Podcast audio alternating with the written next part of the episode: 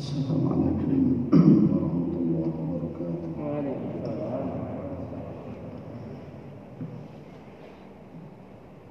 Alhamdulillah rabbil alamin. Assalatu wassalamu ala asyrafil anbiya'i wa imamil mursalin wa ala alihi wa ashabihi ajma'in ba'd.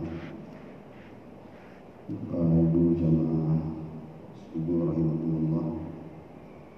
Kembali kita sama-sama bersyukur kepada Allah Subhanahu wa taala. Di subuh yang mulia ini Allah perkenankan kita untuk melanjutkan ketaatan ibadah khusus ibadah wajib dalam menunaikan hak-hak Allah dalam ibadah salat lima waktu mudah-mudahan senantiasa ibadah-ibadah kita terima oleh Allah Subhanahu wa taala. Salam dan salam senantiasa kita limpahkan bagi Rasulullah Sallallahu Alaihi Wasallam.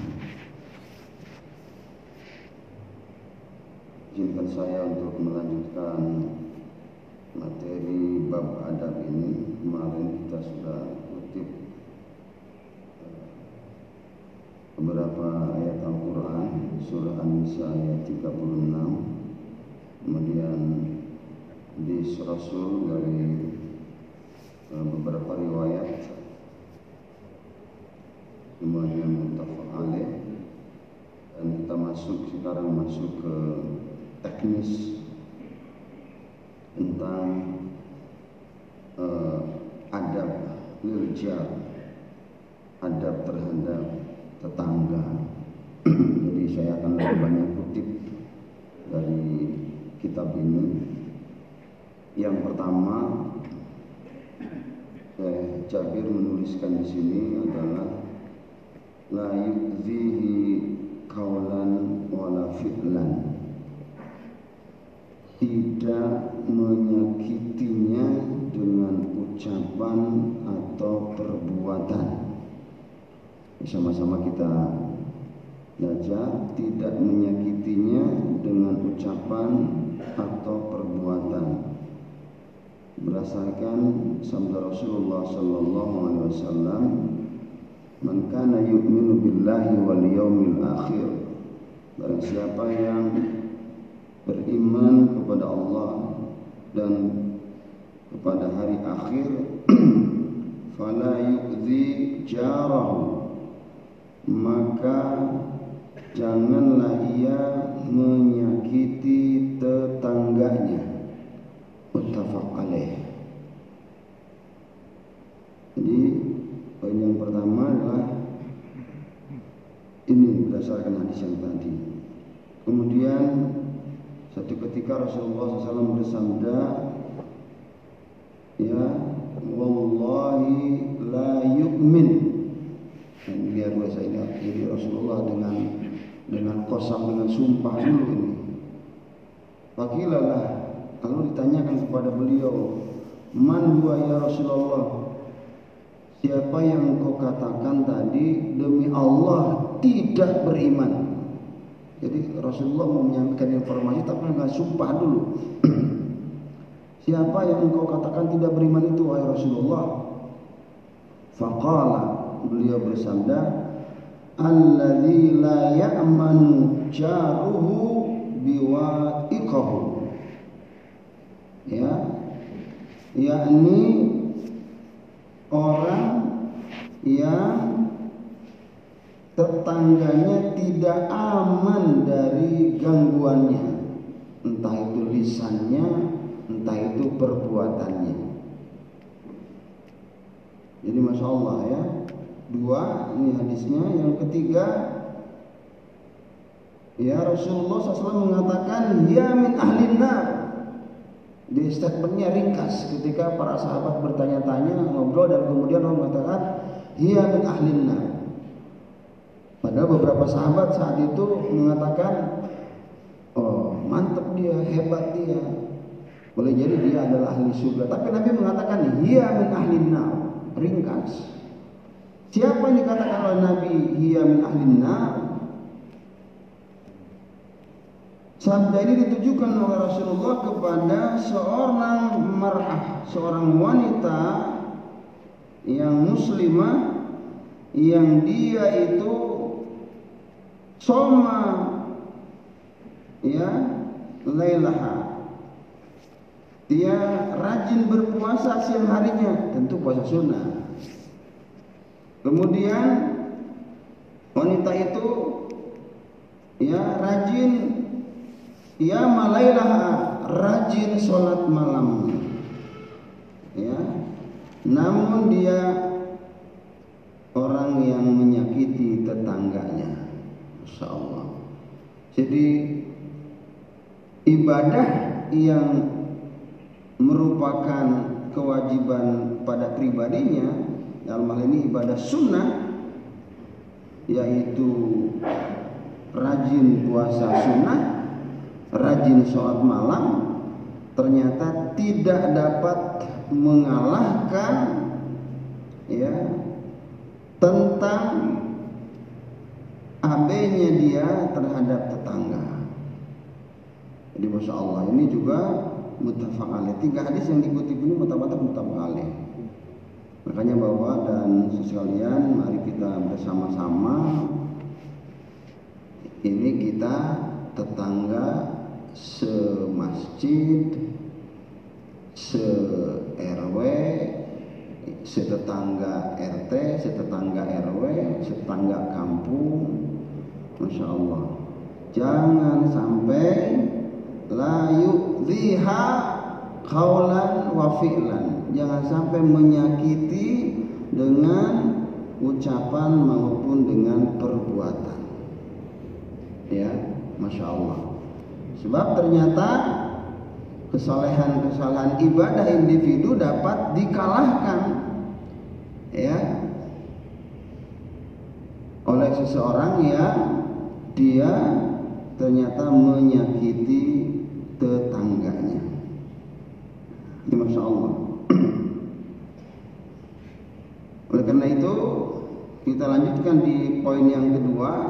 Jadi poin yang pertama ini ya tentu saja kita harus terus banyak belajar ya karena ucapan itu paling sering kita lakukan demikian juga perbuatan perbuatan mana dan ucapan mana yang sekira-kiranya akan menyakiti kepada tetangganya poin yang kedua adalah birrahu bi'aunihi nomor dua jadi yang pertama adalah tidak menyakiti dengan ucapan maupun dengan perbuatan. Yang kedua, berbuat baik kepadanya dengan menolongnya jika ia meminta pertolongan.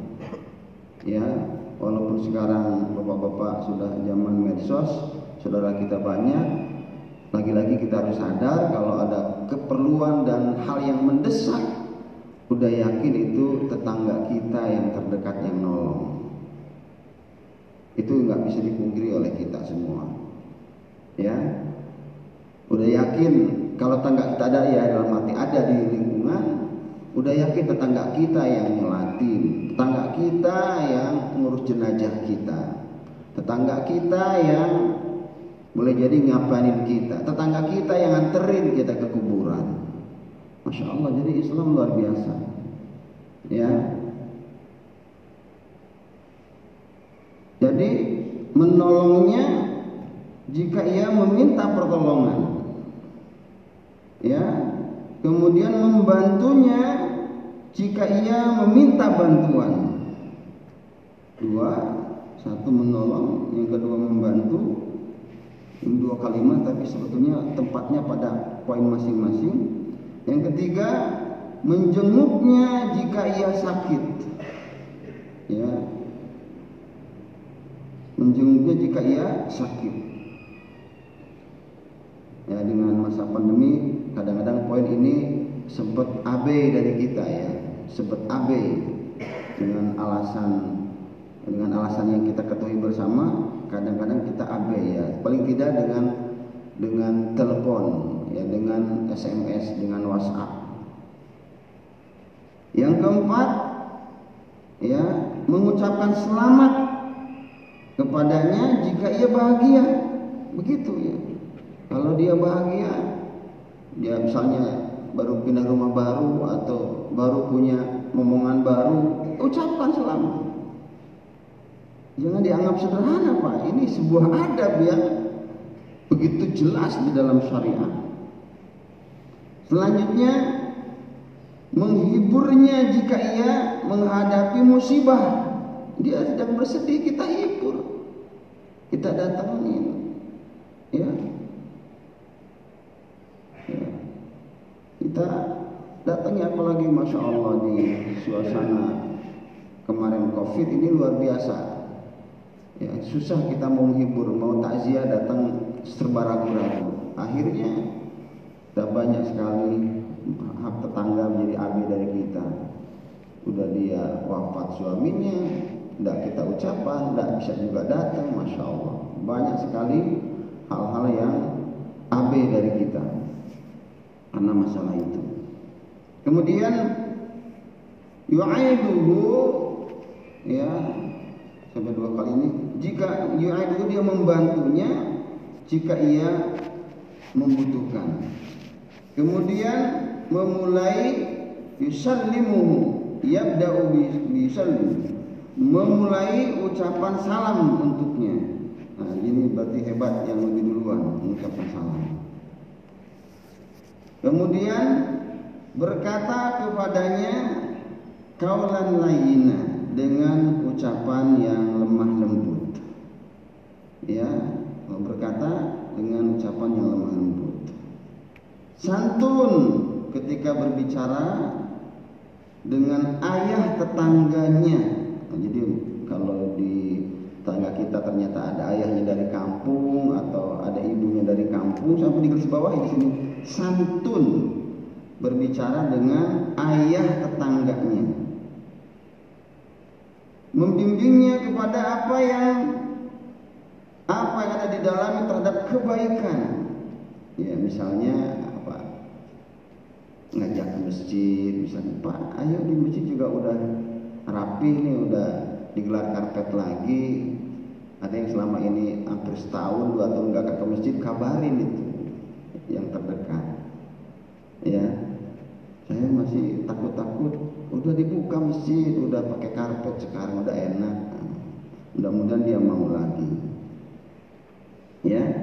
Namanya membimbing ngajak pelan-pelan. Karena itu kebaikan untuk dirinya, dunianya dan akhiratnya. Melindungi area tanahnya, melindungi area tanahnya. Jadi kalau di kita relatif sangat sangat apa namanya, insya Allah sangat terjaga ya karena sudah dikapling, belinya sudah dikapling ya.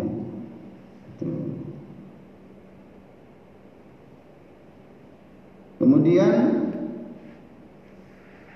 memaafkan kesalahannya. Memaafkan kesalahannya. Tidak mengintip auratnya.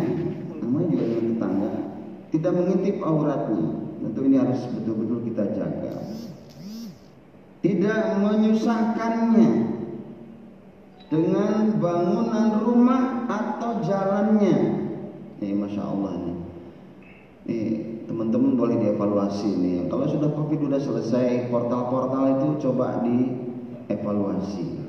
Ya. Ini udah bertahun-tahun dibikin susah orang. Orang 17 nggak bisa ke 16, orang 16 nggak bisa. Banyak banget tamu udah keringet basah nyari ke mana-mana sampai di portal situ depan RW 16 harus balik lagi ke depan saya nggak tahu tuh beruntung apa orang kalau rata-rata begitu. Ini harus segera, ya harus segera. Silahkan. Ini bukan pendapat pribadi, ini ini ada, ini harus segera ditunaikan. Kadang-kadang kita berpikir curang, kita lewatin aja jalan orang terus. Contoh misalnya kita ketipar lewat semua gitu. Dia bisa kita lewatin, lagi giliran mereka mau ke tempat kita nggak boleh. Ini tetangga kita itu tidak petipar tetangga kita juga gitu ya. Insya Allah. Ya. Jadi tidak menyusahkan. Itu menyusahkan kan? Ya termasuk di sini adalah menyusahkan bangunan rumahnya dan jalannya. Kita mau ke rumah susah harus muter-muter. Ya. Kemudian tidak menyakiti dengan air yang mengena, me, me, melewatinya.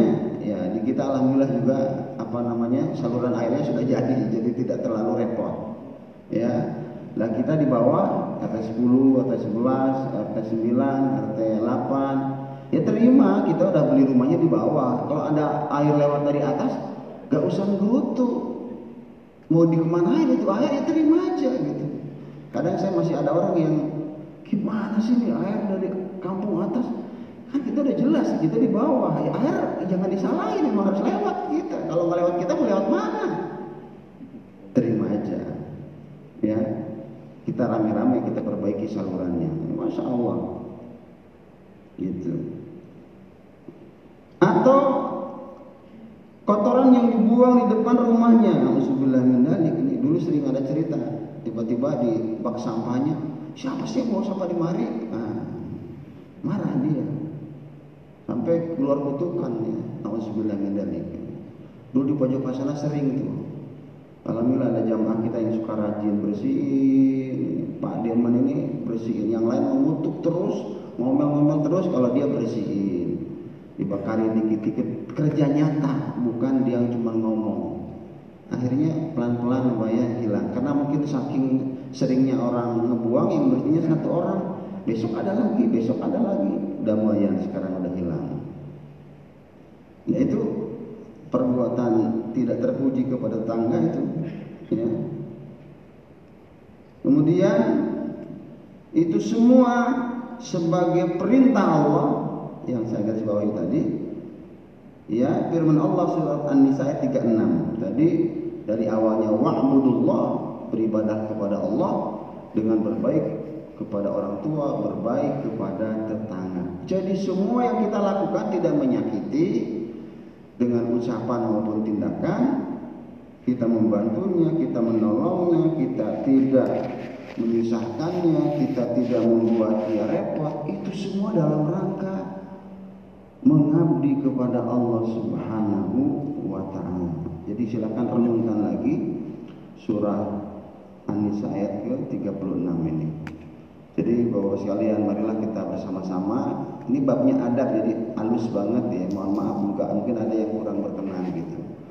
Ya kita udah kalau saya menghitung eh, kehadiran saya di sini udah 30 tahun yang lalu ya kita kan jadi tahu gitu. Pokoknya kalau kita kuntum dia pergi aja gitu. Nah lama-lama kan jadi menyakiti juga gitu loh. Hati-hati dengan tetangga karena dia tahu dan bapak ini mah setiap kita kultum dia pergi, setiap kita kultum dia pergi terus. Hati-hati bisa menyakiti. Hati-hati.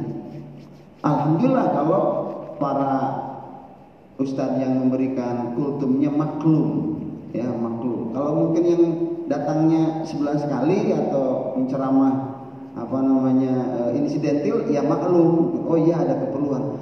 Tapi kan dia tiap hari gitu udah pulang, iya ada yang dikerjain, dia cuma main aja. Ya Allah. Nah ini hati-hati, jangan-jangan itu bisa menyakiti. Saya hanya mengatakan itu hati-hati, jangan-jangan bisa menyakiti. Artinya apa? Ya, bisa menyakiti kepada tetangga kita. Karena berulangnya seperti itu, ya, alhamdulillah kalau dia malu ya udahlah, tidak apa-apa, dia sudah dimaklumi. Karena tadi dengan ucapan kita harus memaafkan. Jadi Bapak dan Saudara Allah mudah-mudahan e, dua hal yang kita sampaikan ya. Kalau kita tidak bisa berbuat baik jangan nyakiti dengan ucapan maupun dengan perbuatan ya. Saya ingat betul di sini alhamdulillah orang tua saya Pak Yayat sehat walafiat kembali. Saya ingat betul beliau agak sakit lumayan agak lama sebulan atau dua bulan ya Pak kelihatan sepi tidak seperti ada tidak ada sesuatu yang kosong di masjid ini. Ya setelah kita waktu itu mengurus jenazahnya almarhum Pak Satio ya setelah itu beliau kayaknya sakit tuh agak lumayan lama ya. Jadi begitu kenapa begitu beratnya kita dengan tetangga? Itu karena ada hak-hak itu. Ya belum digaris bawahi itu tetangga tuh dua tetangga samping rumah dan tetangga masjid satu satu tempat duduk satu tempat sujud masya Allah dengan kita jadi orang yang nyata-nyata oleh para sahabat dikatakan dia hebat sholat malamnya hebat puasa sunnahnya kata Nabi dia menyalinah kenapa? Karena dia menyakiti tetangga Allah alam ya kita sama-sama belajar. Bapak dan Ibu saya mohon maaf juga kalau ada hal yang kurang berkenan saat ini disampaikan tapi ini masih banyak. Kita baru dua hal saja ya Wallahualam Assalamualaikum warahmatullahi wabarakatuh